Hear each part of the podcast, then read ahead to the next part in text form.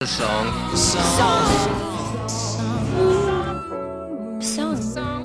The songs. Songs are like tattoos.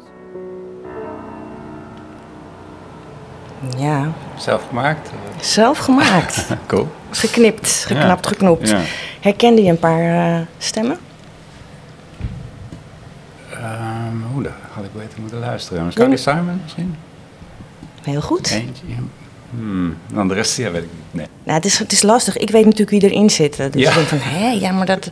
Ja, maar dat, dat is zo Ja, makkelijk maar als je er ook niet zo naar luistert, dan is het natuurlijk... Precies, ja. Eh, welkom bij de podcast Mhm. Songs Are Like Tattoos... waarin ik gesprekken heb met eh, songschrijvers... Over, eh, over het schrijven van liedjes. Dat ben ik al een tijdje niet meer, maar ik ga het toch proberen. Heb je zeker wel gedaan. Ehm, ik, ga, ik heb gesprekken met songschrijvers in deze podcast over eh, eh, het schrijven, inspiratiebronnen, ehm, melodieën, mooie Mhm. lyrics, vormen, de magie, wat werkt, wanneer klopt het, wanneer niet. Hmm. Eh, je favoriete songs? Oh, dat had ik me weer voor moeten bereiden. Nou, goed, we kijken wel. De betekenissen, goede stemmen, producties, demoen. Demo's maken, Ja. optreden. Ja. Nou ja, het, maar in wezen gaat het over eh, van niets iets te maken, het schrijven. Ja. Ehm, ik ben Marieke Eelman en ehm, favoriet onderwerp van mij dit, eh praten over liedjes. Hmm. Eh, daar ben ik niet de enige in en ik dacht ik ga, ik ga songschrijvers benaderen en eh, kijken of ze daar met mij over willen hebben. Een uur lang. En vanaf het begin probeerde ik Richard Jansen al te strikken en dat duurde even, maar het is me toch gelukt. Ja, het is wel Ehm, gelukt, ja. Ja, dus in aflevering 5 zit ik nu in de Jordaan bij Richard Jansen. Die we allemaal kennen van eh Fatal Flowers, Shine, Rex. Ja, ook nog, ja. Goed gevoel voor eh, bandnamen. Dank je. Nou, ik kan niet overal de credits voor nemen, volgens mij. Ik weet eigenlijk niet meer wie Fatal Flowers bedacht heeft. Het was eigenlijk een soort hobbyprojectje. Het was eigenlijk een... ehm we wilden een nummer maken voor Marco, die uiteindelijk de bassist is geworden, omdat hij eh, na, uiteindelijk na een x aantal jaren zijn eh, middelbaar schooldiploma haalde. Zo jong, eh, zo jong waren we ook nog wel. En toen hebben we een nummer opgenomen voor hem als cadeautje, van dat hij eindelijk zijn examen had, eigenlijk zijn examen had gehaald. En daar hebben we een fotootje bij gemaakt en toen moesten we daar een naam bij hebben. En dat werd toen de Fatal Flowers. Ja. ja, en dat is blijven plakken uiteindelijk. Ja. Maar wie hem nou uiteindelijk bedacht heeft, ik zou het eerlijk gezegd niet weten. Daarna was het eigenlijk zo dat we met, eh, met Marco en Erwin en Henk en ik met gewoon met z'n vieren eigenlijk gewoon een soort jam hadden op woensdagavond. Waar we al- alle vier onze nummers eigenlijk pro- uitprobeerden. Maar zonder enig idee van dat we daar een band van gingen maken of zo. En eh, toen werden we eh, gevraagd van, ja, jullie spelen toch, we hebben een feestje, kunnen jullie daar ook niet spelen en zo. Ik dacht, nou ja, laat me doen, waarom niet.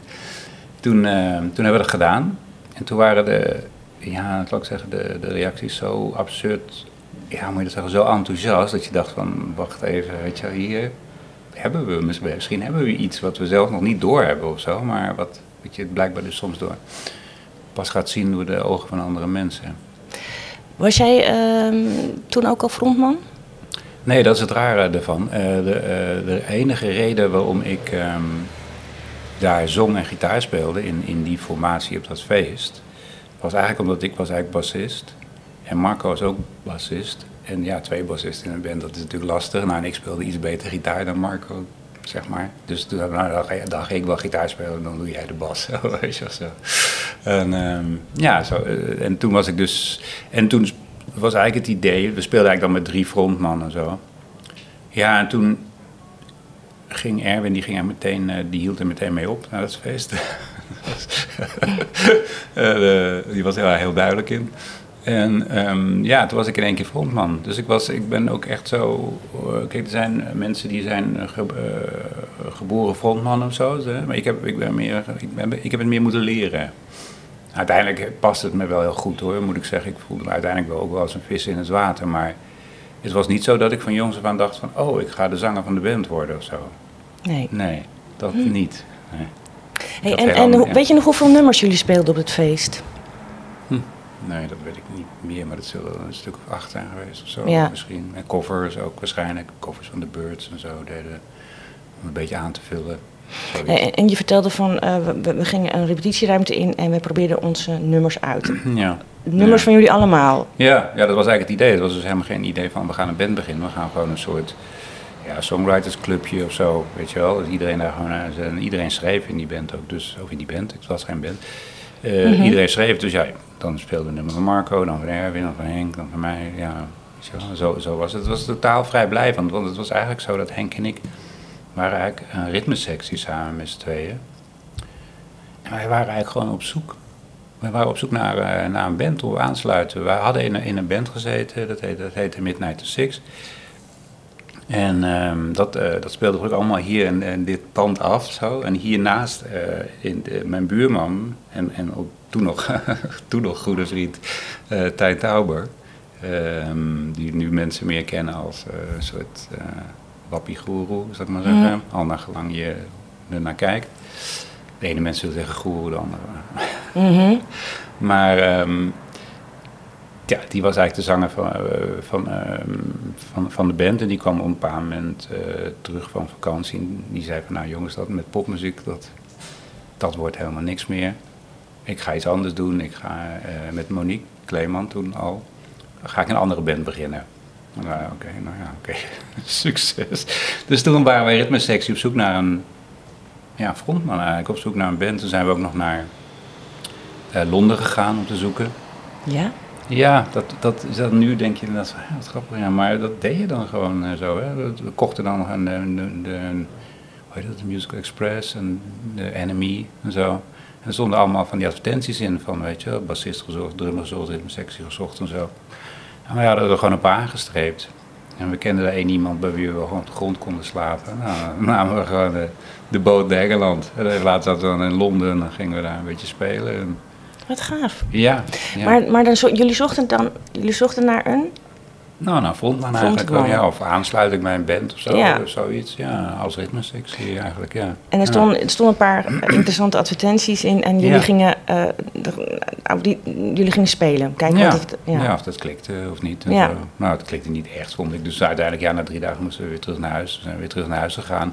En toen zijn we dat clubje begonnen, zeg maar. Het woensdagavond eh, clubje, als ik het zo moet noemen. Ja. Ja, en ja, the rest is history zelfs. Ja, en, het was, en jullie, jullie repeteerden hier. Nee, niet hier. Wij, we, we hadden hier altijd wel een, een, zo'n oude eh, viersporen theak staan en zo, dat soort dingen. Waar we dan wel dingen mee, mee, de- mee deden. Maar uiteindelijk hadden we hier verderop op de Brouwersgracht hadden we een... ehm, dat, ja, dat was natuurlijk in de tijd dat heel veel kraakpanden waren in Amsterdam. Wat als voordeel had dat er heel veel ruimtes waren. We Ja, hebben het over... Dat was denk ik 82, 83, zoiets. Ja. Waardoor je dus maar, ja, ja, redelijk snel dingen kon, je kon realiseren. Weet je. je moest er wel wat voor doen. Want het waren natuurlijk, kijk, nu ga je naar een oefenruimte en dan staan de spullen en Ja. alles ga je spelen. Eh, Wij kwamen daar en er was gewoon, ja, het was gewoon een, een lege ruimte. Af en toe een plassen water op de grond stonden. En ja, er was, het was nog niks. Maar ehm, eh, ja, kijk, ik, die, hele jaren tachtig zo wordt vaak gezien als een soort heel beetje doemachtig, weet je wel, duister, doem. Maar het was ook wel heel erg, voor mij ook wel een tijd van dat alles kon. Weet je wel, dat je gewoon van, ja, ik ben oefen- we hebben een oefenruimte nodig. Oh ja, ik weet nog wel een, eh, een lege ruimte in een kraakpand of zo, weet je wel. Nou, en dan, ja, we hebben bouwmateriaal nodig. Nou, hadden we ook geen geld voor. Nou, dan gingen we gewoon met een bakfiets zo hier langs de straat, 's ochtends. Kijken waar, waar bouwmateriaal op straat lag. En dan ging ging dat in de bakfiets. En dan gingen we smiddags gingen we daar een beetje bouwen. En zo, en, en, en zo hadden we dan op een paar moment hadden we een, een, soort van oefenruimte. Waar je, Ja.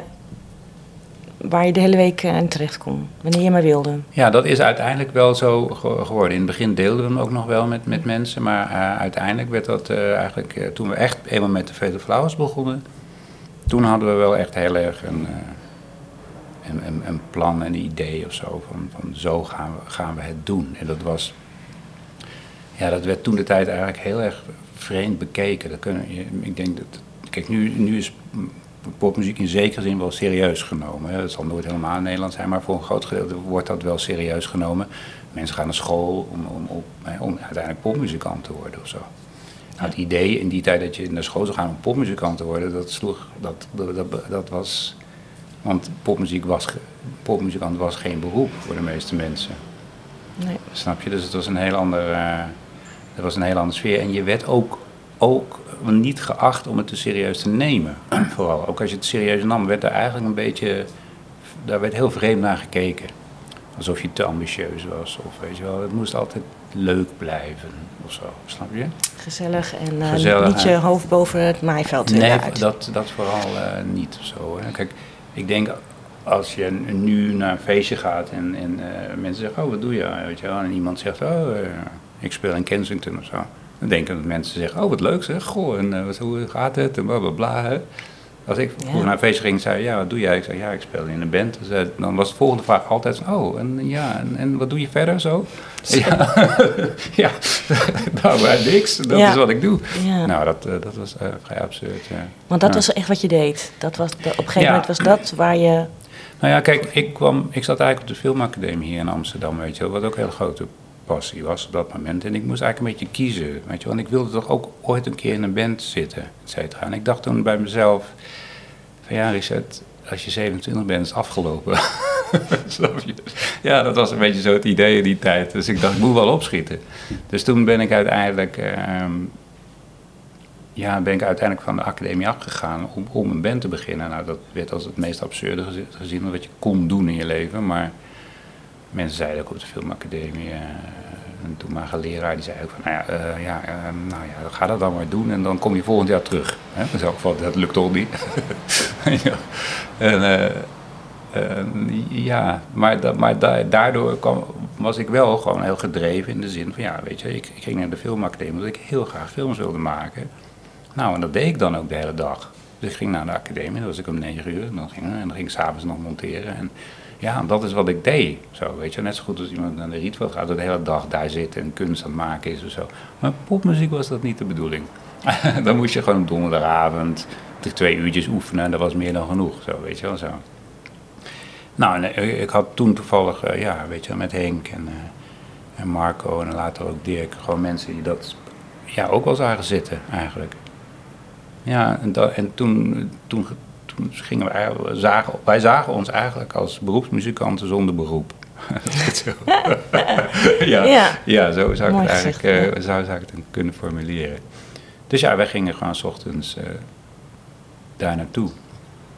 En dan, eh, dan dronken we koffie en dan begonnen we een beetje te spelen. En dat dan gewoon elke dag. Gewoon Ja. elke dag. Gewoon, ja, waarom zou je iets anders doen? Nou, dat, wij begrepen de, de commotie daarover ook niet hoor. Want zo ook in de, in de Amsterdamse muziekscene werd er ook heel raar naar gekeken. Weet je wel, rare jongens die, weet je wel, die spelen veel te veel. En die spelen hun repertoire dood. En zijn veel te ambitieus. Ja, dat is, heel, eh, dat is heel raar eigenlijk. Hè, dat je mensen eigenlijk gaat mensen die kunst willen maken op film, dat je die gaat verwijten dat ze kunst, dat ze de hele dag kunst willen maken. Dat is heel ja. bizar, maar dat, dat was absoluut het geval. Gewoon absoluut het, het geval. Ja, kijk, en dan, ja, je hebt natuurlijk gewoon de, weet je, de 10.000 uren regel. Ja, als je gewoon heel veel speelt en heel veel doet en je bent vooral heel veel met elkaar, ja, dat, dat vertaalt zich gewoon op een podium. Ja.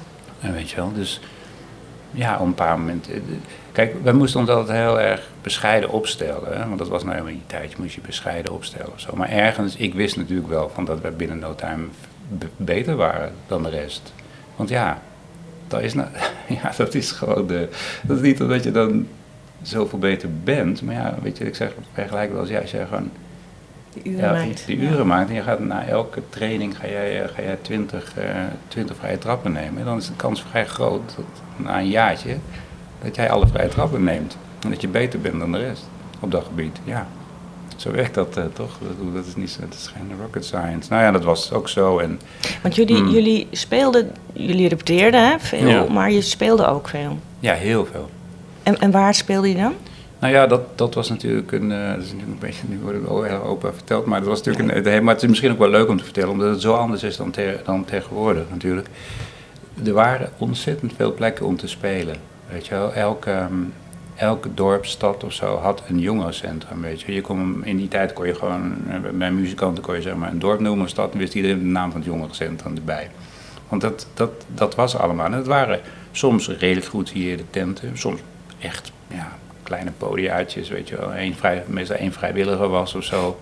En eh, ja, je moet je er verder niks bij voorstellen vergeleken bij hoe het, hoe het nu is. Kan je, dat is niet, niet meer voor te stellen of zo. Maar ja, je kon wel spelen. De omstandigheden waren soms wel heel hard hoor. Dat was, eh, het, was, het was gewoon een puur heel harde leerschool. Ik bedoel, ja, je moest ook wel eens naar, weet je, dan moest je naar Noord- Noord-Holland of zo en dan, eh, dan stonden er drie mensen voor je podium en de rest in de bar of zo. Mhm. Weet je wel, zo, dat soort, dat soort dingen. Ja, en dan speelde je je set en dan eh, was je in de afloop klaar en dan kwam die eigenaar en die zei van, ja, dat wordt niet uitbetalen. Hè?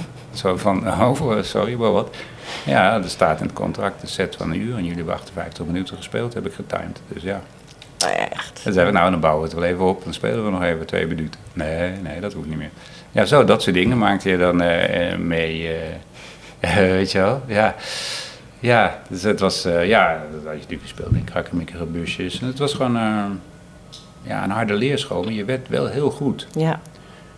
En ja, kijk, die dingen, die tentjes waren ook niet altijd goed, goed hier. Zeker die hele kleintjes niet. Dus wat wij dan altijd deden, is dat we eigenlijk al het geld wat we besteden, gaven we meteen weer uit aan, de, aan bijvoorbeeld PA'tjes die we meenamen. Mhm. Dus, dus ja, die, die mensen die zagen daar in die tent zagen ze een, een, een band. Maar laat ik het heel bot moet zeggen. Die mensen die daar in, in, dat, eh, in zo'n tentje, die, die zien elke week een band. Er komt een band die speelt één keer in de week, speelt over een krakkige, mikkige installatie. Repeteert één keer in de week, komt, komt uit, speelt over een krakkige, mikkige installatie.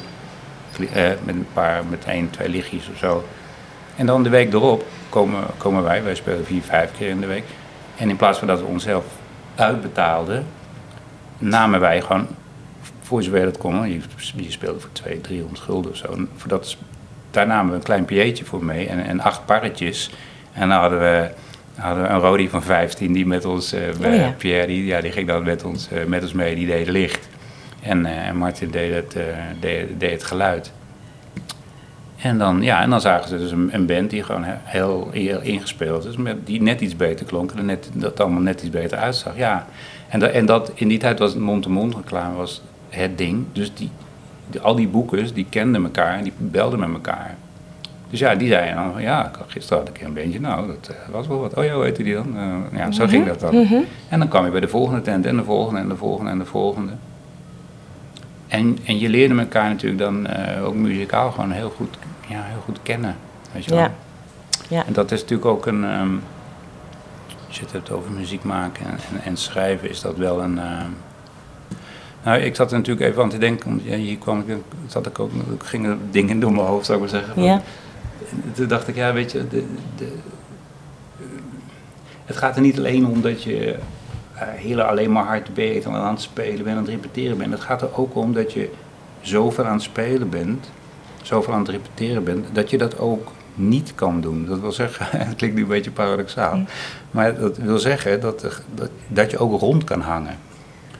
Eh, snap je? En, en, en, en, en dat is denk ik vaak een onderschat moment van, van kunst maken, is het rondhangen. Mhm. Weet je wel? Het is hetzelfde of, of een schrijver gewoon misschien een uur uit het raam zit te staren of zo. Dan denk je, ja, die is, niks, die is niks aan het doen. Maar dat is niet waar, weet je wel. Mhm. Ook dat uit het raam staren hoort er ook heel erg bij. En dan maar denken, nou, hmm, ga even een krantje lezen. Dan gaat hij maar even over straat lopen, een krantje lezen en weer terug. Dat hoort er ook bij. Hè, dat is toch de edele kunst van het rondhangen. Dat is wel heel belangrijk voor, eh, voor kunst. En dat wordt, denk ik, eh, wel eens vergeten door de extreme efficiëntie waar we altijd nu mee te maken hebben Ja. in alles.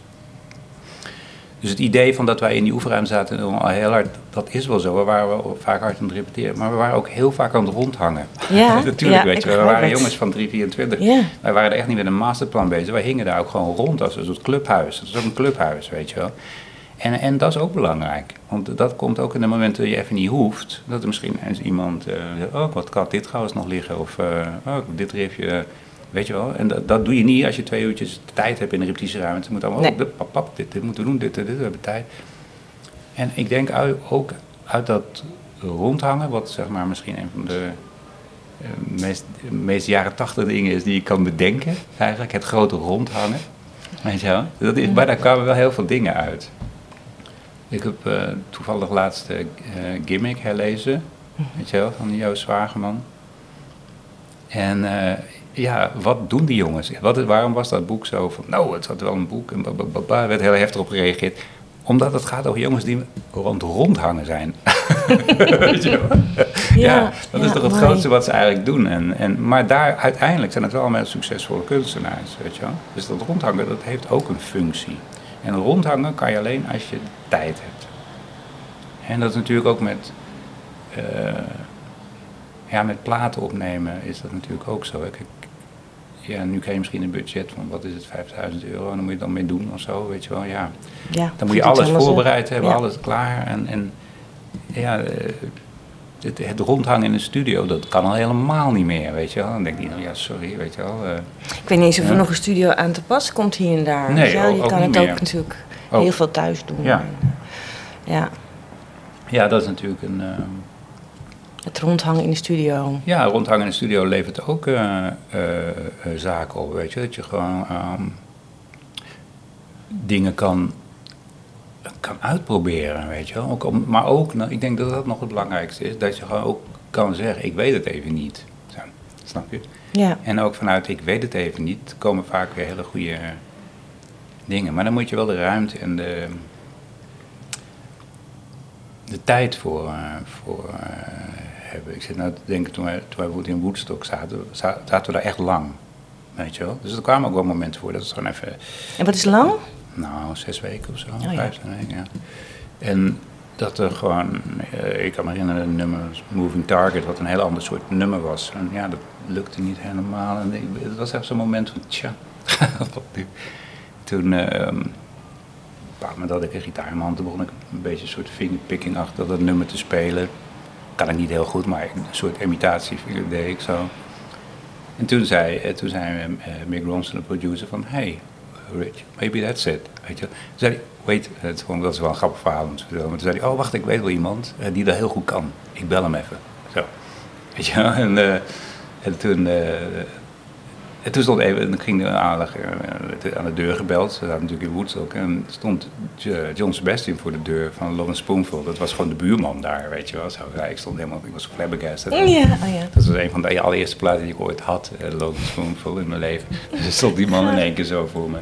Met de gitaar waar hij dan uh, Summer in the City op had geschreven. En die ging dat zo even inspelen. Maar dat moment, ik bedoel, niet, dat is niet om uh, een bluffverhaal te maken, maar, Nee, dat moment was nooit ontstaan als we niet even de ruimte hadden gehad om te zeggen, tja, weet het even, even niet. Zo, Ja. snap je? En, nou Ja. ja. En, En- rondaf. Ja, nee, maar en, en gingen jullie de studio in ehm, met nummers die wel al ehm gedemoed eh, waren? Hadden jullie wel demo's gemaakt in de Ja. Ja. Of, of hoe, hoe werkte dat bij Ja, jullie? we hadden wel altijd demos gemaakt, omdat we uiteindelijk die, eh, ja, die, die oefenruimte, zeg maar, die werd steeds beter. Die maakten we steeds beter, steeds Mhm. mooier. En eigenlijk was het zo dat we al het geld wat we eventueel overhielden aan optreden, dat was niet veel, maar wat we dan overhielden, dat ging in die studio. Dus, en dat werd steeds meer en meer en meer. En uiteindelijk hadden we een, een hele ideale situatie. Dat we eigenlijk een, eh, een bus hadden waar onze live set in stond. En dat we gewoon een, een ingerichte studio hadden eigenlijk waar we repeteerden. Dus als we binnenkwamen, stond alles stond opgemiked. Oké. We hadden eerst een kleine vierspoor recorder, toen acht spoor recorder, toen een 16 spoor recorder, uiteindelijk 24. En eh, ja, dat stond gewoon opgemiked. En dat was er gewoon, we konden gewoon spelen en zei van opname. En dan namen we gewoon op wat we op dat moment aan het doen waren. Ja. Dus ja, wij maakten daar ook onze eigen, onze eigen demo's. Maar dat was een, dat was een, dat was een heel interessant. eh, ja, ik kan er iedereen aanraden gewoon. Want je wordt zoveel veel beter als je jezelf af en toe rustig terug kan horen. Want ja, als je zelf aan het spelen bent, je bent zo van. Tenminste, Ja, ik als ja. zanger of zo. Ja, ik ben aan het zingen, ik ben die teksten onthouden, uh, gitaar. Ja, ik hoor ook niet altijd alles wat iedereen doet of zo. wel. En dan Dus, luister je terug naar Ja. die demo's. En, En dan dacht je, nou wat, als jij dit speelt, kan ik misschien mee dan dit spelen, weet je wel, of zo. En, en dat nam je mee voor de volgende keer. Of dan ging het... Ja, dan liep je de hele dag met zo'n ouderwetse Walkman op je kop. Ja. Doet die opnames. En Ja. dan de volgende dag ging het door. En, en dat deden we ook met live optredens. En als je dan ook live optredens op en luisterde dan ook af. En dan de volgende dag, of de volgende optreden was, nou misschien kunnen we de intro toch korter maken. Of misschien kunnen we toch dit. Of. Gaaf. Zo word je gewoon... Ja, kijk, als je, als je gewoon jezelf beter wil maken, dan zijn er gewoon heel veel mogelijkheden om dat, eh, om dat, dat te doen. En als je je daar niet voor schaamt of zo, weet je wel, dan, dan, ja, dan, dan, dan werkt dat. eh. ik zat vroeger ook eh, heel veel in Paradiso. Ik had een tijdje zo'n kaart dat ik, eh, ehm, dat ik eh, zeg maar gratis in kon. Dan ging ik gewoon overal naartoe. En dan waren heel veel concerten waar ik niet, nou ja, niet super fan van was. Maar dan zat ik ook gewoon vaak op het balkon gewoon te kijken. Maar dan keek ik ook heel vaak naar het publiek. Ja. Ik keek heel vaak naar, het- naar het publiek om te kijken van, van waarom klappen ze hier nou harder of zo, weet je wel. Wat, wat ga je nou allemaal zien in één keer? Waarom zijn ze nu enthousiast en het volgende nummer minder? Of weet je wel, wat, wat gebeurt er op, op, op het podium en zo. En, en dat, ja, dat zijn ook allemaal dingen die, die voor mij ook heel erg bij, Tuurlijk, ja. bij popmuziek horen, ja. eh, en met repeteren, ja. stonden jullie dan ook zo eh, in een opstelling zoals je op een podium staat? Of Nee, naar nee, elkaar toe? Naar elkaar toe, ja. Ja, ja dat zeker wel, ja, ja. Ja. ja. Want altijd met een band, ja, op een podium, dat is toch, daar moet je ook in groeien. Hè? Dat je opeens een zaal, of opeens, je kijkt een zaal in. Ja, is dat is als, ander- als frontman of vrouw is dat een, he- heb je een, een, eh, heb je een hele unieke positie. En, en, en een hele mooie positie, maar soms ook een minder mooie eh, positie. Want ja, ik vergelijk wel- eens van je staat in wezen in de punt. Zo, hè. Maar dat betekent ook, zeg maar, als je, zeker als je gitaar speelt, dan ben je toch iets minder mobiel. Je staat bij die microfoon, dus je hebt geen ha- handheld of zo, je kan niet rondlopen. Dus je staat met je handen aan je gitaar vast en, en je mond op, aan die microfoon, dat is je positie eigenlijk. Maar die positie betekent eigenlijk dat je eigenlijk de rest van de band meestal niet goed ziet. Of helemaal Mhm. niet ziet zelfs. Als ietsje achter je staan, dan ja, dat die ogen die zeggen, ja, daarop, je beeld. Dus je, ja, dus je staat eigenlijk op een soort plek, zeg ik wel eens, van eigenlijk je hoort niet bij het publiek, maar je hoort ook niet helemaal bij de band op dat moment. Dus dat is een, ja, dus dat kan een, het is een hele machtige positie en het kan ook een hele eenzame positie zijn. Het is al, al ja, al dat, dat, ja, dat, dat hoort er wel heel erg, ehm, heel erg bij. Dus op een podium spelen is echt wezenlijk anders dan in- als je gewoon in een repetitieruimte met elkaar aan kan kijken, et cetera. Uiteraard. Ja, maar jullie ja. repeteerden en jullie speelden gelijk, tegelijkertijd ook veel. Dus dat groeide Ja. mee. Ja, dat groeide mee, maar waren, wij waren ook echt nog wel zo dat we gewoon, als we dan begonnen met repeteren, speelden we bijvoorbeeld gewoon eerst even de set door. Ja. gewoon, gewoon bom, bom, bom, even een uurtje en een kwartier of zo, die nummers gewoon even doorheen. ja. En dan weer, en dan weer even hangen. Nou, Speelden jullie altijd met een vaste set? Ja, meestal, meestal wel. Ja, ik geloof daar zelf in. Meestal, eh, je hebt natuurlijk zo'n school die altijd zegt van ja, je moet niet te veel repeteren, want dan repeteer je het dood. En weet je, en als je elke avond dezelfde set speelt, dat is saai en dan. dan, dan. Maar ik, ik vind eigenlijk dat je. Ik heb eigenlijk meer altijd ervaren dat hoe beter ik het materiaal kende, en hoe beter ik wist wat er ging gebeuren, hoe vrijer ik eigenlijk werd. Als het ware, omdat ik mijn mijn hoofd verder helemaal vrij kon maken. Gewoon, weet je, ik kon gewoon, ja. Ja, ik, dat zeggen ze wel, je kan het blind spelen of zo, maar dat is ook zo. Ja. Je kan het ook bijna eh, blind spelen soms. En ik moet dat ook als, als gitarist, zanger of zo, moet je dat ook hebben. Want, je, want je, je, je kan je niet concentreren op zeg maar, je gitaar, je riff of zo die je speelt, dat je tegelijkertijd staat te zingen. je kan, ja, dat, dat is een raar soort concentratie. Dus één ding moet automatisch gaan. Zo. Nou, en, dat, en dat leer je gewoon door, eh, door, door veel te spelen. En daardoor cre- creëer je gewoon een vrijheid. En die vrijheid zie je gewoon terug. Uiteindelijk zie je, ja, je de paradox is eigenlijk, mensen zeggen je speelt het dood. En, maar eigenlijk, ik ervaar het als een hele grote vrijheid. Omdat je gaat op een bepaald moment zo goed met elkaar spelen. Dat je gewoon alles kan maken. Op, op, hoeft niet. Je kan gewoon ook die sets gaan spelen. En je kan eigenlijk alles doen. En die, Je kan ook Ik- eigenlijk niet stuk. Nee, je kan niet stuk. Dat is, ook, dat is natuurlijk, als je een podium oploopt, dat, dat gevoel, weet je Ja. wel, van bring it on, weet je wel. Zo, dat, dat moet je ook, als, zeker als frontman, ook een beetje hebben, dat gevoel. Als je het podium oploopt en denkt van, oeh, als dat maar goed gaat, ja, dan ben je al, sta je met 1-0 achter. En, dat, en Ja. het publiek is zo slim. Ja, die pikt dat zo op. Die pikken dat gewoon, eh, Ja. die, die pikken dat op, eh, vind ik. En ja, daarom is dat voor mij altijd dan een, een manier geweest om, eh, om vrij te zijn. En soms, ik moet ook zeggen, ik, ik deed in het verleden, als ik het idee had bijvoorbeeld dat, dat we te routineus even waren op toneel of zo, dat ik dacht van het gaat niet vanavond zo. Dan, dan, dan deed ik het ook wel eens expres. Dan hield ik gewoon op met zingen of zo. Ah, of dan begon ik gewoon een andere riff te spelen. En dan was iedereen weer wakker. Maar we waren zo Oh ja. goed dat dan... eh, dat oké, kon. Bam, ja, dat kon. Dan konden we gewoon door improviseren erop. Dat is wel heel gaaf, hè? ja, als, je ja, da- dan- als je daar bent, met als je- band, Als je daar bent als bent, dat is het beste gevoel wat je kan hebben op het toneel. dan gaat het dak eraf ook. Ja, dus die, dus die vrijheid hadden we en die vrijheid namen we ook gewoon af en toe. Ja. Kon ook gewoon. Ja. Ja, er was nooit eh, paniek en er was nooit. eh, nee. Dus dat geeft wel een heel eh, cool. eh, ja gevoel. heel gaaf. Ja.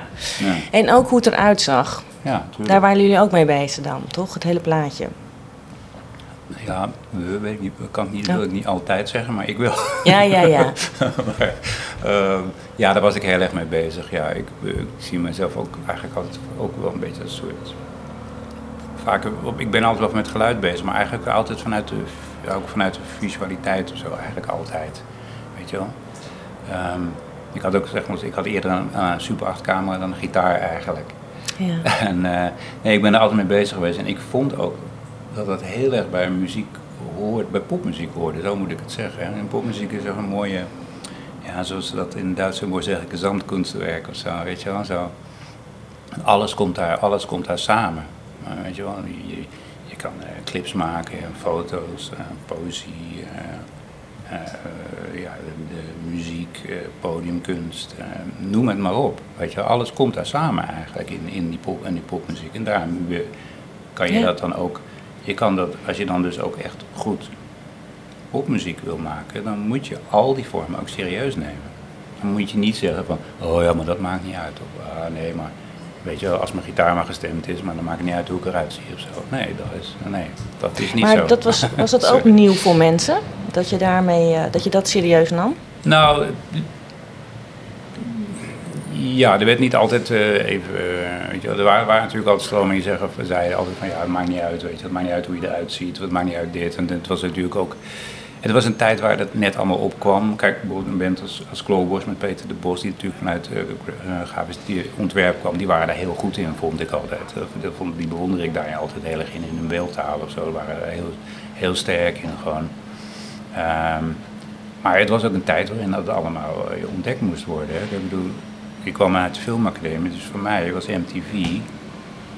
Ja, dat, was, ik snapte wel dat dat groot ging worden in die tijd zo, weet je. Dat was gewoon... De, zonder clips zou je er nooit meer komen. Maar in het begin, ja, daar werd ook heel raar tegen aangekeken. Er werd echt ik heb het wel eens eerder gezegd, maar er werd echt letterlijk tegen ons gezegd... Ja, een Nederlandse band heeft geen clip nodig. Want een Nederlandse band kan gewoon naar een tv-studio. Dus ja, waarom heb je een clip nodig? Want een clip had je alleen nodig als je niet op de tv-studio kon komen of zo, weet je wel. Ja, Mhm. ja dat zijn dan zulke rare, vreemde, Ja. vreemde gedachtegangen. Ja, het zegt hoe er tegenaan wordt Hoe gekeken, dat, toch? Zo werd er Ja. tegenaan gekeken of zo. Dus het was altijd een strijd ook. eh, en, ook een hele bemoeiende strijd of zo hoor, dat, eh, dat wel. En er was natuurlijk een beetje dat typische Nederlandse idee van ja, als je er goed uitziet, dan kan je niks. Hè, dat is, ja. Hè, ja, dat is gewoon zo. Ik bedoel, je hebt natuurlijk het, zogenaamde domme blondje effect, maar dat is eigenlijk kan je veel beter zeggen. Ja, dat geldt eigenlijk voor veel meer. Weet je, zo wordt er tegen alles aangekeken wat er goed. Kijk, in Nederland, althans in die tijd was het wel zo van, lu- luister, als je gewoon eh, dik, kaal en, dik kaal en een brilletje hebt, dan ben je waarschijnlijk een hele goede artiest. Dan word je heel serieus genomen. Maar als je er heel goed uitziet, dat kan niet. Nou, dat staat niet. Dan weet je, dat kan niet dat je ook nog wat te zeggen hebt of zo te vertellen. Dat, ja. Ja. En dat geldt voor vrouwen en mannen hier eigenlijk allebei hoor. Dat is, eh, we hebben dat eh, net zo goed heel erg meegemaakt, weet je wel. Ja. Ja, dat, dat- als wij een concert deden, dan moest altijd weer een of andere recensent moest dan beginnen. De eerste regel van de ah, smachtende meisjes op de eerste rij.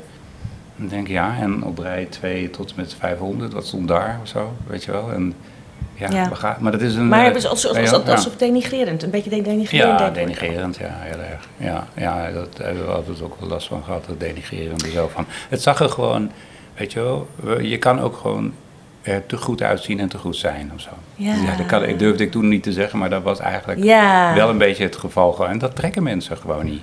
Ook, ook niet, weet je wel. Als je daar niet doorheen kan kijken, dat je gewoon uiteindelijk zijn wij ook maar gewoon een paar gastjes die er gewoon, weet je wel, met een uitkering of, of, of nauwelijks geld of zo, gewoon keihard aan het werk zijn om, om hun droom na te... Ja. Maar dat, dat is uiteindelijk wie we zijn. Maar ja, dan, ja, eh, goed en ja. En, en dat is natuurlijk, ja, dat is natuurlijk ook interessant dat dat zo'n dubbel je leidde ook vaak een beetje een dubbel leven, bijna eh, om- zo, weet je wel. Want eh, kijk, dit, waar wij nu zitten, daar woonde ik toen ook al. Dat is een soort klaslokaal, ik ga het even omschrijven. Maar, hè, en dat was toen de tijd een kraakpand. En ik stond op het podium dan met leuke kleren aan en la la la, de, de leuke mooie zanger te, te zijn of zo. En dan ziet dat er heel cool uit allemaal Mhm. en zo. Zeker, ja. Maar eh, als ik hier thuis kwam, dan stond hier gewoon eh, een, een kinderzwembadje stond hier. Omdat zo erg lekte mijn dak. Zo, weet je wel. Ja, die was al de reden leesdik of zo, weet je wel. En de, de- wij leefden dan een paar honderd gulden per maand. ja. Weet je wel, dat is, we hebben daar nooit één cent aan verdiend al in, in, in, in al, die, al die tijd. Dus het was een hele rare dubbel, dubbelheid eigenlijk. eh, zo. En mensen zien dan één kant, ja. maar die andere kant Die denken er gelijk van alles bij. Ja, je denkt daar van alles bij. En dat Ja. moet ook, want het is ook een mythe. ja. Het, het is ook een mythe popmuziek, weet je wel. En Dat is ook mooi om daarmee te spelen, vind ik. Ik bedoel, ik, ik geloofde vroeger ook in de mythe Herman Brood of zo. Ik dacht ook dat hij gewoon, ja, in, ik dacht dat hij in, eh, in een verdieping in een hotel woonde of zoiets, weet je wel.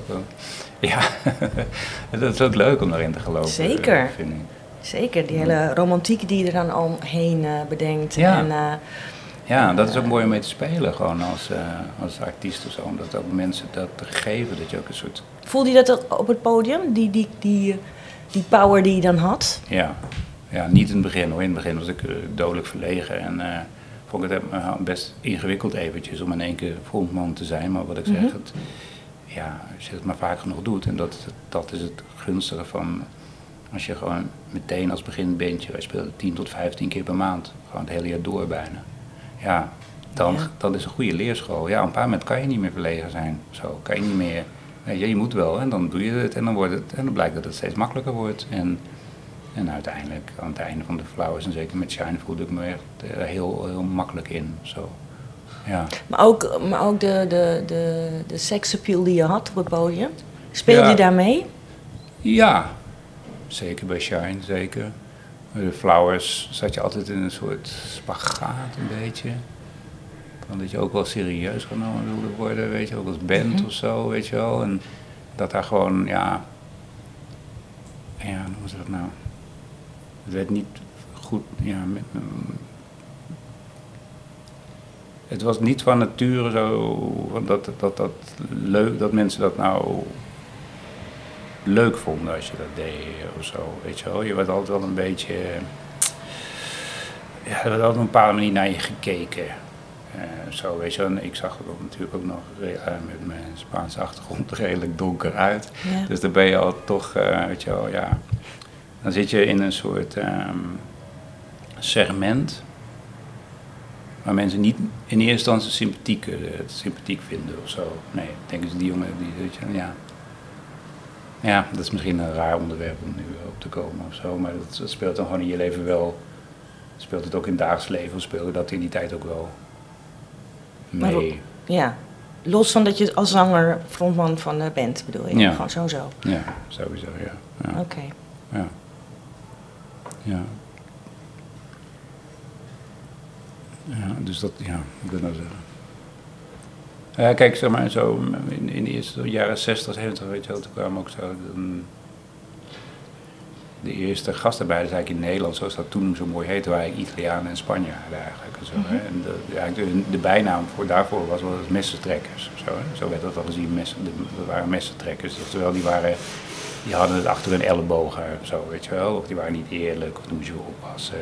Ja, dat is een soort raar soort sentiment, wat gewoon, ja, Waar jij ook mee opgroeit.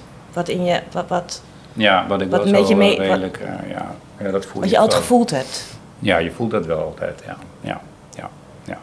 ja je bent toch een beetje de, eh, ja, de let en love, donkere man of zo, weet je, achter. Dat is, dat eh, Mhm. werd gewoon een paar, Alle- in wantrouwen of zo, wantrouwen Ja. naar gekeken of zo. Ja, dat klinkt nu misschien een beetje heel raar vanuit mijn, eh, nee, maar dat, dat, dat, dat, dat, daar werd je wel redelijk vaak mee eh, geconfronteerd of zo. Dat soort... eh, Ja. eh, dingen. En, maar ja, goed, ja, en dan in popmuziek, ja, ik hou ervan om dat wel te extra, weet je, wel, wel het podium zo uit te zien, et cetera. En ik vind dat, maar het was, het was wel altijd een strijd of zo. Ik heb me daar later... Ook binnen je, de band, Ja, of ook niet? binnen de band ook wel, weet je. Er waren ook wel mensen die daar gewoon veel minder mee bezig waren en dat eigenlijk vaak misschien ook een soort moreel oordeel over hadden zelfs bijna of zo. En dat is dan heel moeilijk of zo, weet je, omdat, eh, omdat eh, daar heb ik mezelf wel in Shine helemaal van bevrijd. Ja, ja, ja, totaal. Ja. Hè? Kijk, eh, in, in Shine was gewoon, mm, ja, ik- belden mensen elkaar bij wijze van spreken voor de optreden of wat trek jij aan vanavond of zo, weet je wel. Ja. ja. Eh, en ja, dat was wel een hele andere sfeer en eh, dat was ook wel een sfeer die ik op dat moment ehm, heel erg nodig had, zo echt. Ja, Ja, na, de, na Fatal Flowers. eh, Ja, ja. Dat je daar los van kon komen en dat jij... Ja, dat ik ook dat Dat veel meer die kant op kon, Ja. laten, kon laten zien. En ook de, Dat je daar vrij was. En, ja, Ja. Ja. je, je, verandert natuurlijk ook. Dat zeg ik ook wel eens. Ja, je hebt zo'n tijd van Veter Flowers. Ja, dan begin ik. Ik begin ongeveer als een soort filmacademisch studentje van, van 22 of zo. Hè, als ik het helemaal moet uit. En uiteindelijk hou ik ermee op en dan ben ik 30 of zo. Weet je wel. En dat is echt, dan ben je echt een ander mens. Plus dat je waanzinnig hebt. Weet je, het zijn ook tropenjaren. Dus je neemt, maakt ontzettend veel mee. Ja, dan, ben je, Ja. dan, dan ben je echt iemand anders tegen die Ja, tijd. zeker. Weet ja. je wel? Ja. Nou, soms moet je dan een stap maken om dat dan ook meer te gaan eh, onderzoeken of te etaleren. Of zo. uitdragen, ja. Ja, dat dan- ja, zeker. Ja, Want ja, ik ben er nieuwsgierig naar. Ja, ik weet niet of je het daarover wil hebben, maar tuurlijk wel. voelde je daar binnen Vede Flowers door belemmerd? Dat je Mhm. dat podium niet echt kon pakken wat je als frontman eigenlijk hoort te pakken Ja. of moet hebben? Soms wel, En wat eh Simon wij- wel doet, zeg maar, ik zeg, hè, bijvoorbeeld, eh, Ja, daar voelde of ik wie dan ook. Daar voelde ik me wel zeker als in belemmerd in. Ja, dat dat niet... Want alles lag daarvoor je. Julia had alles mee wat dat betreft. Weet je, ook, hè, Ja, je was natuurlijk al echt heel duidelijk ja, het gezicht wel van de band. ja, maar dat was in die tijd werd dat nog niet zo gezien. Nee. Je was gewoon eh één van de vier en voor de rest moest je bek houden. maar. Ja. Dat werd ook Ja, letterlijk af maar voor de buitenwereld. gezegd. Ja, snap ik. Maar van de buitenwereld was het wel zo.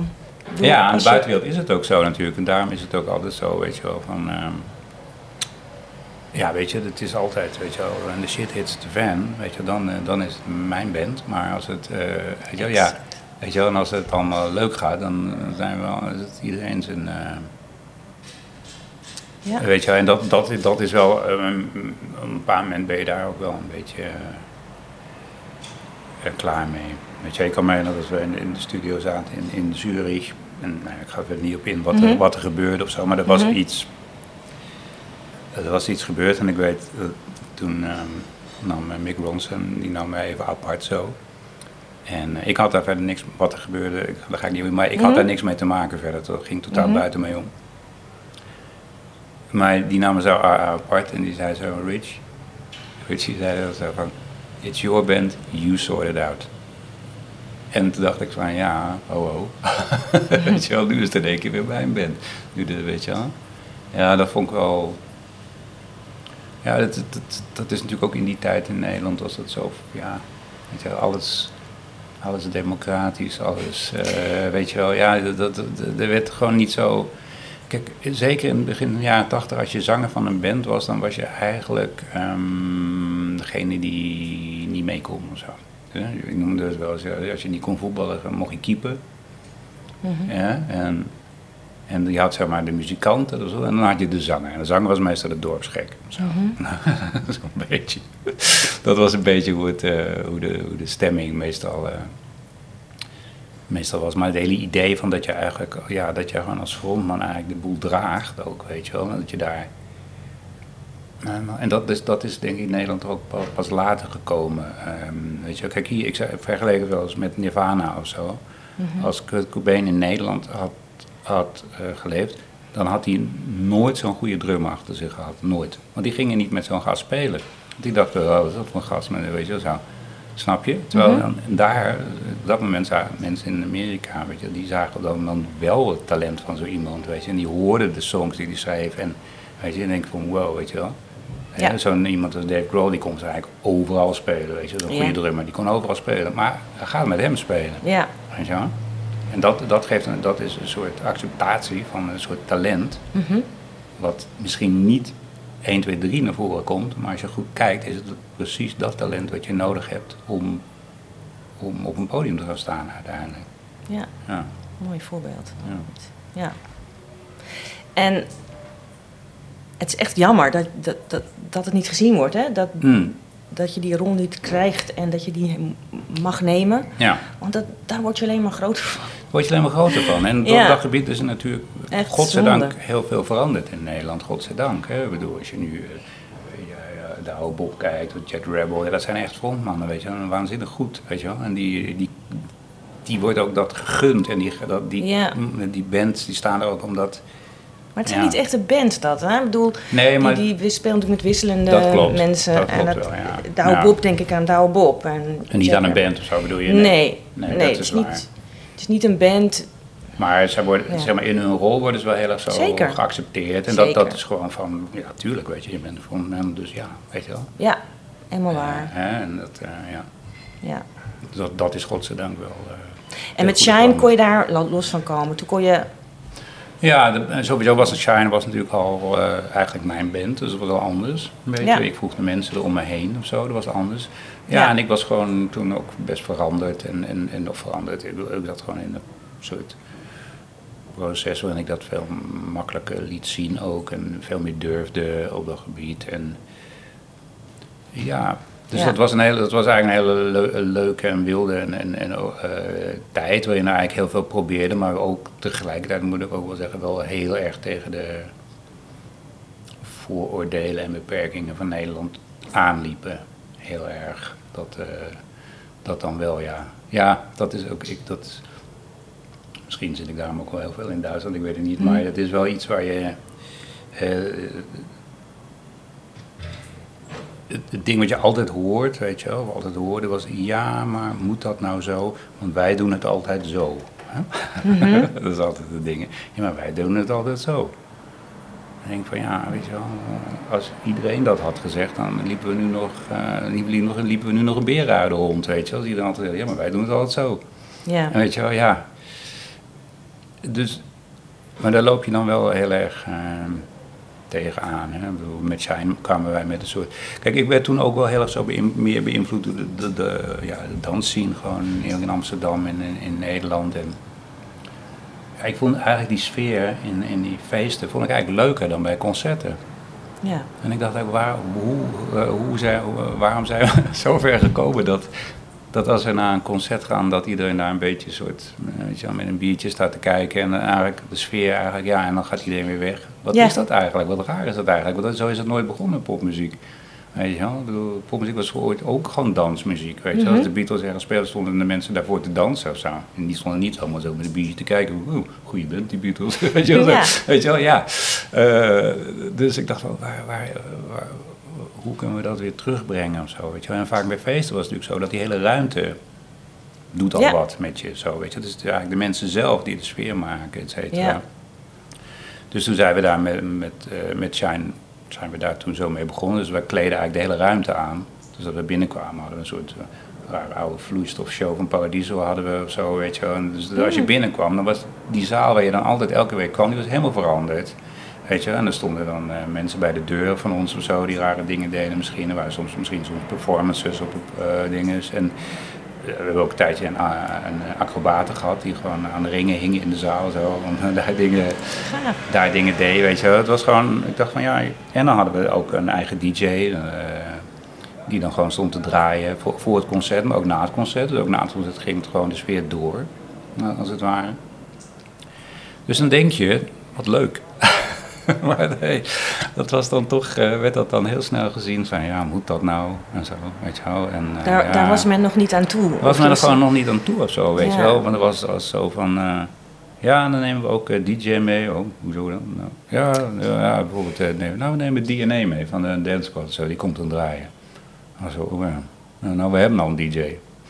Ja, Oké, weet je wel, ja, god, weet je wel. Ja, Misschien heb je ook al een band, dan kom ik ook niet, weet je wel. Ja. Zet je die op, eh, ja, wat een... eh, ja. eh, Ja. Je, je liep tegen beperkingen aan. eh, nou ja, beperkingen, een beetje bekrompenheid. Bekrompenheid, Ik zou het eerder ja. zo, bekrompenheid liepen we heel erg tegenaan bij, bij, bij Shine toch wel, weet je. Het was ook nog net voor Lowlands of zo, weet je. Daarvoor is het allemaal veel meer geworden van dat er gewoon, ja, weet je, dat, dat, de dingen ook om dat concert heen gebeuren of zo. ja, dat is veel meer van, eh, precies, het is gewoon Ja. evenement. En, en Het is een evenement. Publiek. Het moet leuk zijn ook, weet je, na een concert. Het is een en beleving. daarna ga je dansen, zo, weet je wel. Dat, eh, ja. ja, dat, dat, de, de- daar probeerden we toen...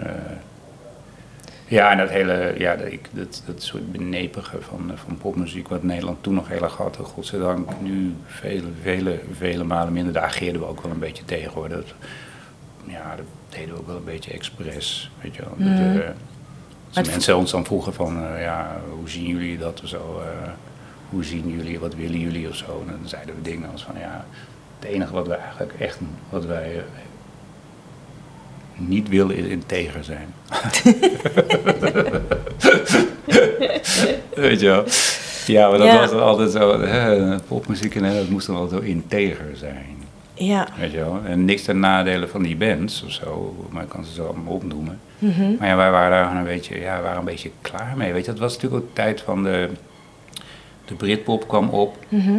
Weet je wel, ik vond dat echt super zo in die tijd, weet je wel. Want ik- dan, dan stond de NME en dan stond er een of andere band waar je nog nooit van had gehoord. En dan stond zo'n gast zo'n beetje de kamer in te kijken en dan stonden ze onder weer de best fucking band. Yes. Weet je wel, zo, ja. Ja, dat mocht dan, Ja, ja, dat mocht ja. toen ineens, weet je. En ik dacht van, Ja, wauw. dat wil ik ook. Ja, Dat je kon het maar hier, godverdorie. Ja. Ja. Ja. ja. Dat is nog steeds lastig trouwens. Het is nog steeds eh, lastig, het is wel absoluut wel, eh, Ja. wel verbeterd, maar... eh, Maar heb je daar nog heel lang mee rondgelopen? Of nog steeds? Wat dat van shit, ik was net niet in een goede tijd. Want Hmm. eigenlijk wilde ik meer of groter, groter denken. Ja, ik wilde wel groter denken, ja, maar dat werd niet altijd. eh, Maar, Nee, maar- Ik, eh, ja, ik heb ook.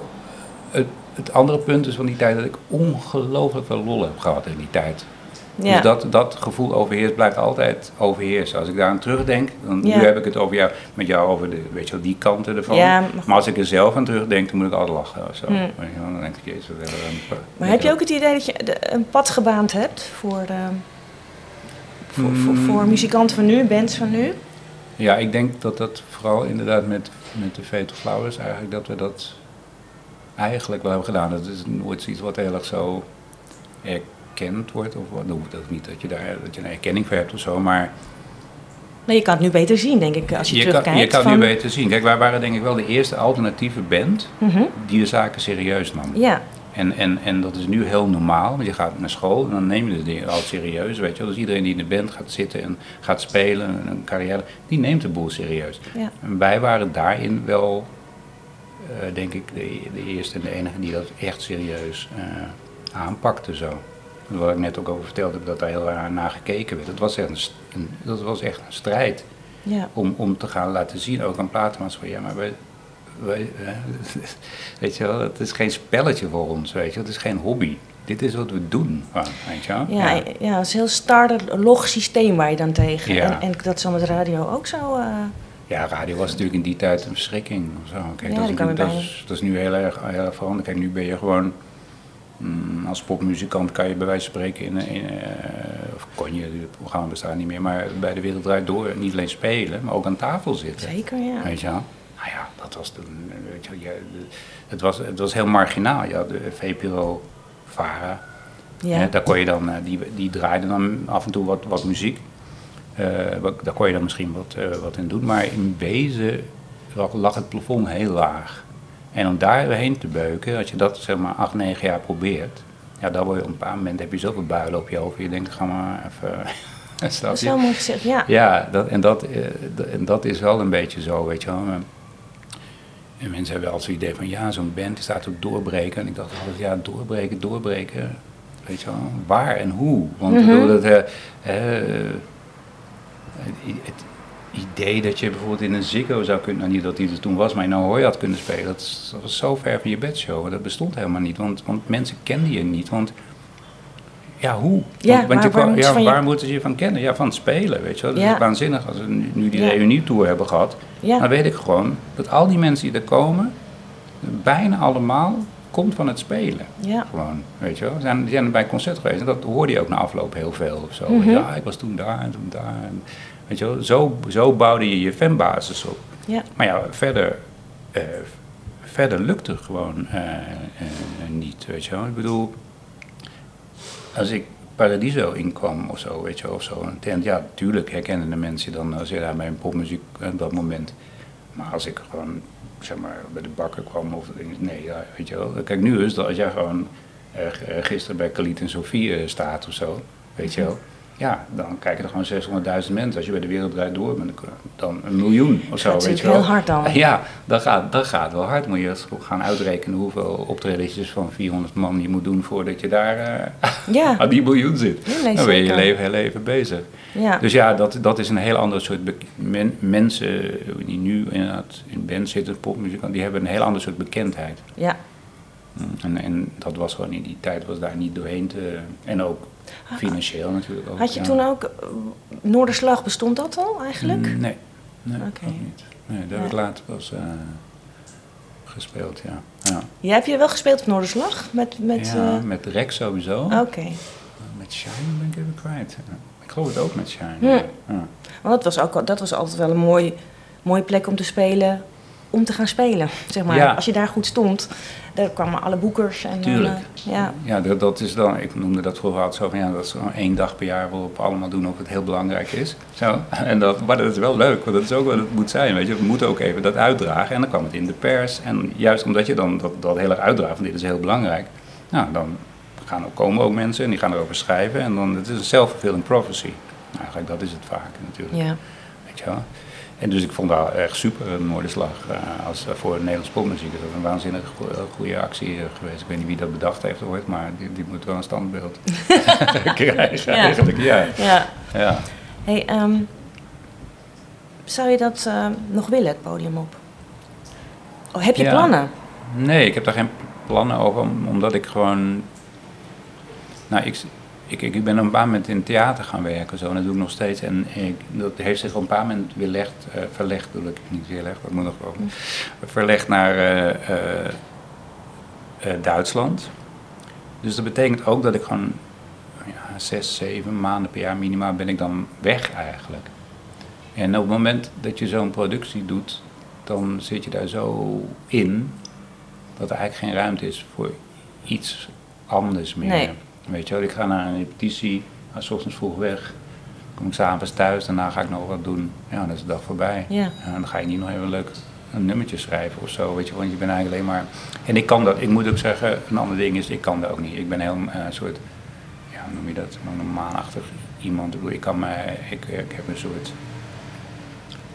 ehm, hoe moet je dat nou zeggen? Dan kom je weer in een ander gebied, maar ik heb, ik heb eigenlijk een soort, nou niet een soort, ik heb zo'n ADD, dus ik heb een, ik, ik kom soms in een hyperfocus en dat kan ik dan, en dan kan ik daar helemaal voor gaan. En dat werkt dan ook eh, heel goed.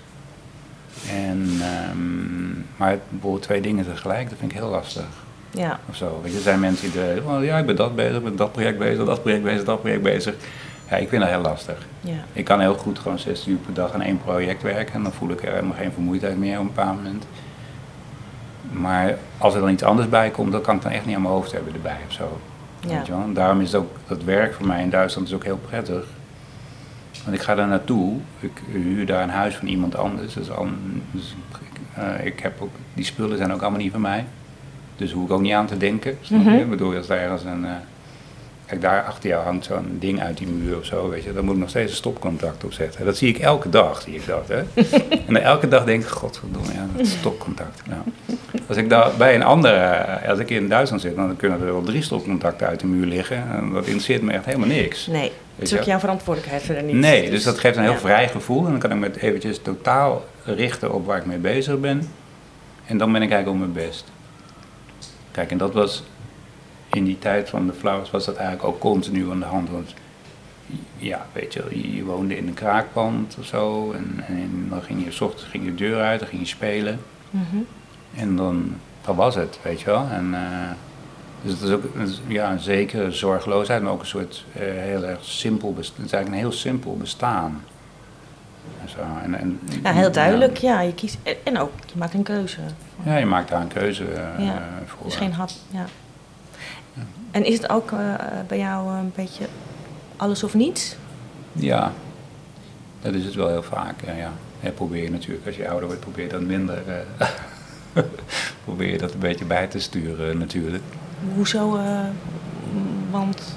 Waarom je dat bij Ja? probeert te sturen? Nou, omdat het misschien voor je omgeving niet altijd eh, aangenaam is of zo. Kan, Mhm. kan ik me goed voorstellen of zo, weet je wel. Dus probeer je dingen te... Plus waarschijnlijk, is, als je ouder wordt, rela- ga je sowieso misschien meer dingen relativeren. Mhm. Wat ook ergens ook wel weer de dood in de pot is. Want Ja. ja. dat, wil je, dat wil je ook eigenlijk niet. Dus ik probeer het nu meer zo te doen dat ik gewoon... Op het moment dat ik met iets bezig ben, het helemaal niet relativeer. En gewoon eh, inderdaad daar 100% voor ga. En misschien na afloop dan wel het relativeren. Mhm. Zo, snap je? Ja. En, en, en eh, ja, ik denk dat dat wel een, eh, een, een, prettige, een prettige tussenvorm eh, vorm is. Dus Ja. als ik die voorstelling maak of zo, dan ga ik daar 100% voor. Ja. Want anders kan je dat ook niet doen. En dan na afloop, ja, dan probeer ik het gewoon ook los te laten. Meer. Dus niet elke, we hebben continu te kijken, oh, er zijn er recensies geweest of zo, dingen, of eh, weet je wel, me gaan ergeren aan, eh, aan, dingen of zo. Dat, laat ik, dat probeer ik Dat lukt laten. ook? Ja, dat lukt wel nog steeds meer. En dan Ja. ga je kijken en dan komt er iets anders op je pad. Dan komt er weer iets anders. dan- En als, nou, als, je nou, als mensen zouden aankloppen bij je van zullen we, zullen we gaan repeteren? En in de zin van met een band bedoel Ja? je? Eh, ja. Dus niet dat je alleen op je kamer eh, met gitaar nummers gaat schrijven, maar dat je het repetitie ook Oh ja, in... maar dat vind ik sowieso. eh, kijk, echt zo. eh, de, de- zeg maar de tegenwoordige home studio, dat, trekt mij eigenlijk, dat heeft mij nooit getrokken. Nee. Zo, dat vind, ik vind dat veel te solitair. En, en ik weet wel dat er mij hangt vaak zo'n sfeer omheen van dat hele solitaire individualist of zo. Maar het tegendeel, hij is het tegendeel waar. Want ik bedoel, ja, ik zeg wel eens van ja, ik ben begonnen op de filmacademie, zat ik altijd onder de mensen. Daarna gewoon twintig jaar alleen maar in busjes en in podia en repetitieruimte met mensen. En nu maak ik bijna twintig jaar theater en zit ik ook elke dag in een repetitieruimte met mensen. Dus als, Ja. ik, als ik een heel solitair iemand zou zijn, dan heb ik echt een hele slechte beroepskeuze Ja. gemaakt. Ja. Dus dat is niet zo. Dus het hele idee van zo in je eentje zo. Nee. In mijn, ik vind het sowieso al heel moeilijk om in mijn eentje in een kamer te zitten. Ik, ik neem vaak mijn laptop altijd mee naar een café of zo. of Dan ga je daar, dergelijks. eh, ja. Dus het idee van dat ik zo eh, in mijn eentje zo gitaar en dan... Ik, ik vond die combinatie altijd heel prettig dat je bij wijze van spreken s'avonds een beetje zat te spelen. En dat je dan de volgende dag dat meteen kon uitproberen met mensen Ja. in een oefenruimte. Ja. Ja. En dat, dat is natuurlijk een luxe Ja. eh, die, die wij toen, toen hadden. En ik vind, het, ik vind het ook de muziek ten goede komen hoor. Want ja, Gewoon input van meerdere mensen. ja, input van meerdere mensen, weet je wel. En ook eh, simpele dingen als tempo, schom, oh. Ja. tempo schommelingen en zo en dat soort dingen, weet je wel. Mhm. Ja, kijk, als je alleen bent, en meestal wat mensen, eh, en dat zou ik ook doen, zet je gewoon een beat op. Zo. Dat is best waar we nu mee beginnen. Gewoon, Ja. Zet gewoon een loop op, weet je, een beat, dan heb je alvast wat. Maar die, die, dat is eigenlijk al meteen een soort dictatortje. Daar. Ja, want dat is het Dat is dan. leidend, Dat, ja, ja. dat is dan leidend, weet je wel. Ja. Terwijl ja, als je met mensen zit te werken, dan ja, een beetje een drummer probeert ook gewoon dingen uit. En weet je wel, en, en, en vier minuten later heeft hij alweer een heel ander ding uitgeprobeerd, een ander ritme uitgeprobeerd. Maar kan je ook een briefje geven dat als jij begint met een loop en je gaat een nummer schrijven, dat gewoon aan het eind van de dag die loop nog steeds op staat. Ja. Weet je wel, ja. Dus dat, die vrijheid, die vind ik wel heel erg belangrijk ook met, met, met schrijven. Om die Ja. input van mensen en, en dat het een proces dat het verandert, weet je wel. Ja.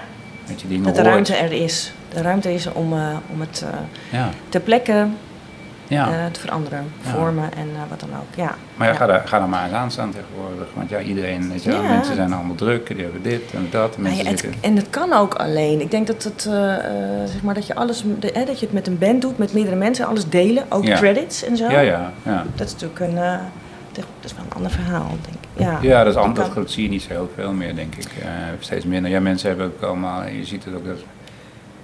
En dat vind ik ook soms wel eens jammer hoor, dat mensen hebben zoveel projecten, weet je. Ze wel krijgen, ze gaan, kijk, het gros van de mensen die nu in muziek maken, in bands spelen, die komen gewoon van scholen af. Dus die hebben een beroepsopleiding gevolgd. Ja. En die beroepsopleiding die is erop gericht dat je je geld ermee verdient. Mhm. Hm, Dus die zijn daarmee bezig. ja. Dus die denken, oké, weet je, ik heb deze band, eh, die gaat misschien in april spelen. Moet ik even kijken wat ik in februari ga doen. Mhm. En dat is dan hoe Ja. je redeneert. Ja. Ja, en dat is dan anders inderdaad, Is hoe anders. ik er ooit altijd in heb gestaan. Want ja.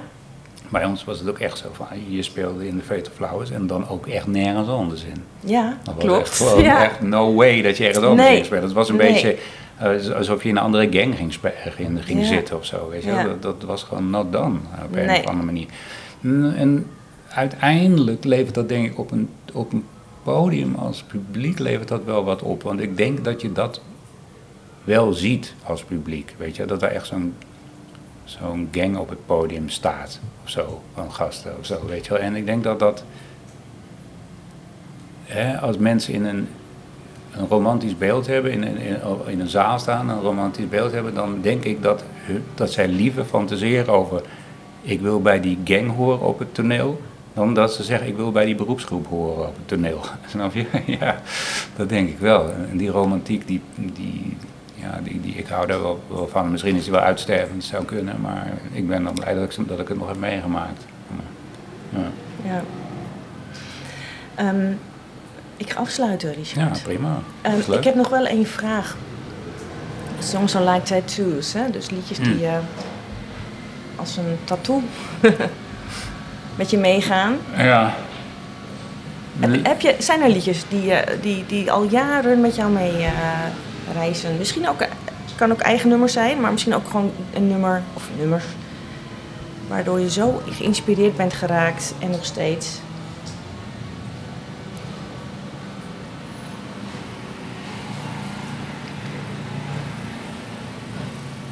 Nou, de grap is dat inderdaad het allereerste singeltje wat ik ooit had, dat was ik denk ik 11 of zo, 12. Had ik wel een rommelmarktje gekocht voor 50 cent of zo. Dat was, ehm eh, dat klinkt misschien als een, als een gefabriceerd verhaal, maar ik kan je garanderen dat is het niet. Dat was I'm Just a Singer in a Rock'n'Roll Band van de Moody Blues. En dat zet ik inderdaad nog wel eens op en dat... eh, waarom, dat, waarom dat zo goed is, omdat het zo vol zit. wel. Het is zo georchestreerd, en, maar ook tegelijkertijd er, voel je een waanzinnige power van die band, voel je in het spelen. En tegelijkertijd gaat het alle kanten op met arrangementen en dingen. En, en in die zin heeft het altijd bij me eh, gewerkt, omdat ik, ik ben, eh, in, Nederland is het land van less is more. Hè? Zo. En bij mij is het altijd more is more fun. Weet je wel? Ja, ik, vind, dat- ik hou gewoon van georchestreerde muziek en veel podium. En weet je wel, dus als je nou zegt van ja, zo'n nummer bij is gebleven, ik denk dat dat gek genoeg, eh, ook bij de profetische titel misschien, maar ook de manier van spelen en orchestreren en dat, dat massale of zo.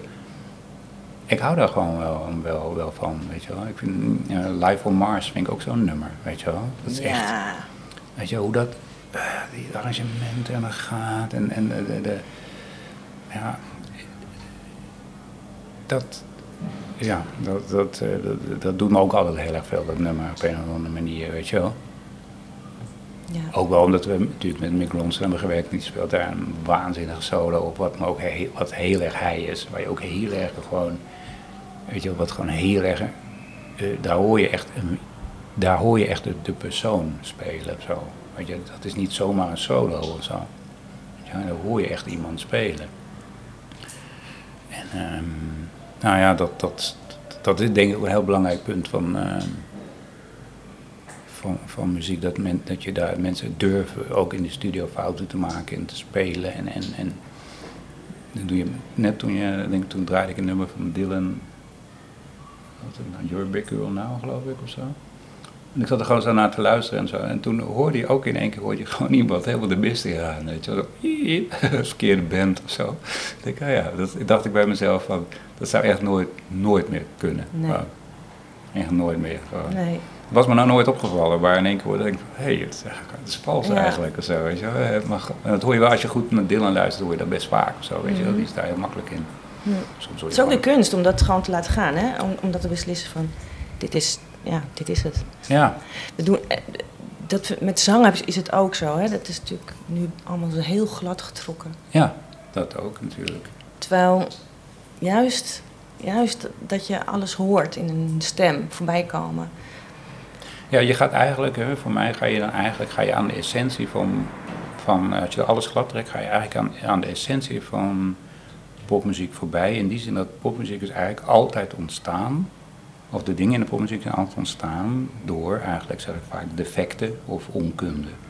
Of, of eh, weinig financiële middelen. Daarom, hè, want als je hè, een, een elektrische gitaar, die was gewoon te zacht in een big band of zo, dus daar gingen ze versterken.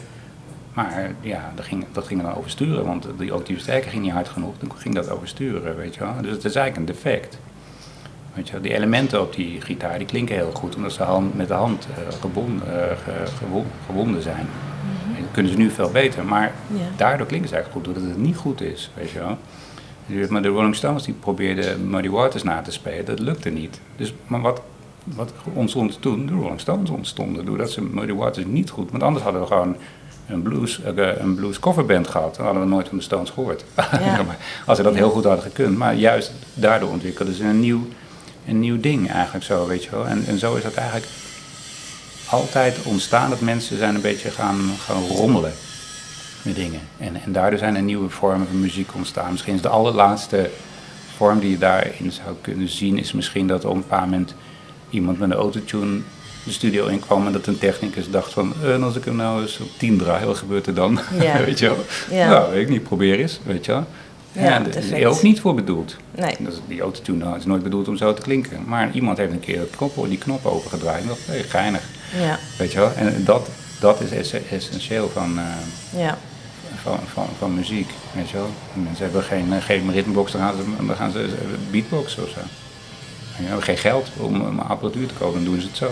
ja. En dat is, eh, ja. Ja, ik hoop dat, dat, dat er nog steeds telkens weer dingen blijven ontstaan waar iemand een knop helemaal open draait en denkt, hé, wat grappig. Ja, vast wel. Ja. Ik denk het wel. Dankjewel voor dit gesprek. Graag gedaan, is leuk. En ehm, ik ben blij dat het eindelijk van kwam. Ja, ik ook. Hey, succes met alles. Dankjewel. Eh, ik hoop je ooit nog op het podium te zien. Maar goed, eh, Wie weet. wie hoor. weet. Ik, zeg, ik, heb, ik heb er nooit afscheid van genomen in die zin. Precies. Shine bestaat nog, hè, officieel. toch? Of niet? Nou ja, dat zijn- het is nooit, Wij, eh, wij zijn nooit uit officieel. elkaar gegaan. Zo, Nee. nee. we hebben nooit een. eh, nee, dat is gewoon een beetje, ja, hoe noem je dat? Verwaterd. Zo. Ja. I- Dat is altijd het ding van als je een band hebt met heel veel karakters, dan is die heel goed op, op het podium, maar het is ook de zwakte in de zin dat heel snel iedereen iets anders gaat doen. Ja, ja, ja, Ja, ja. Zo. Oké, dankjewel. graag gedaan. The song.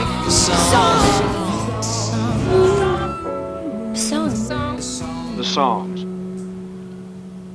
Songs are like tattoos.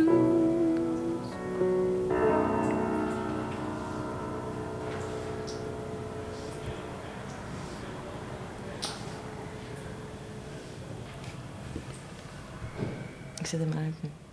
Ik dacht, je gaat nog zeggen...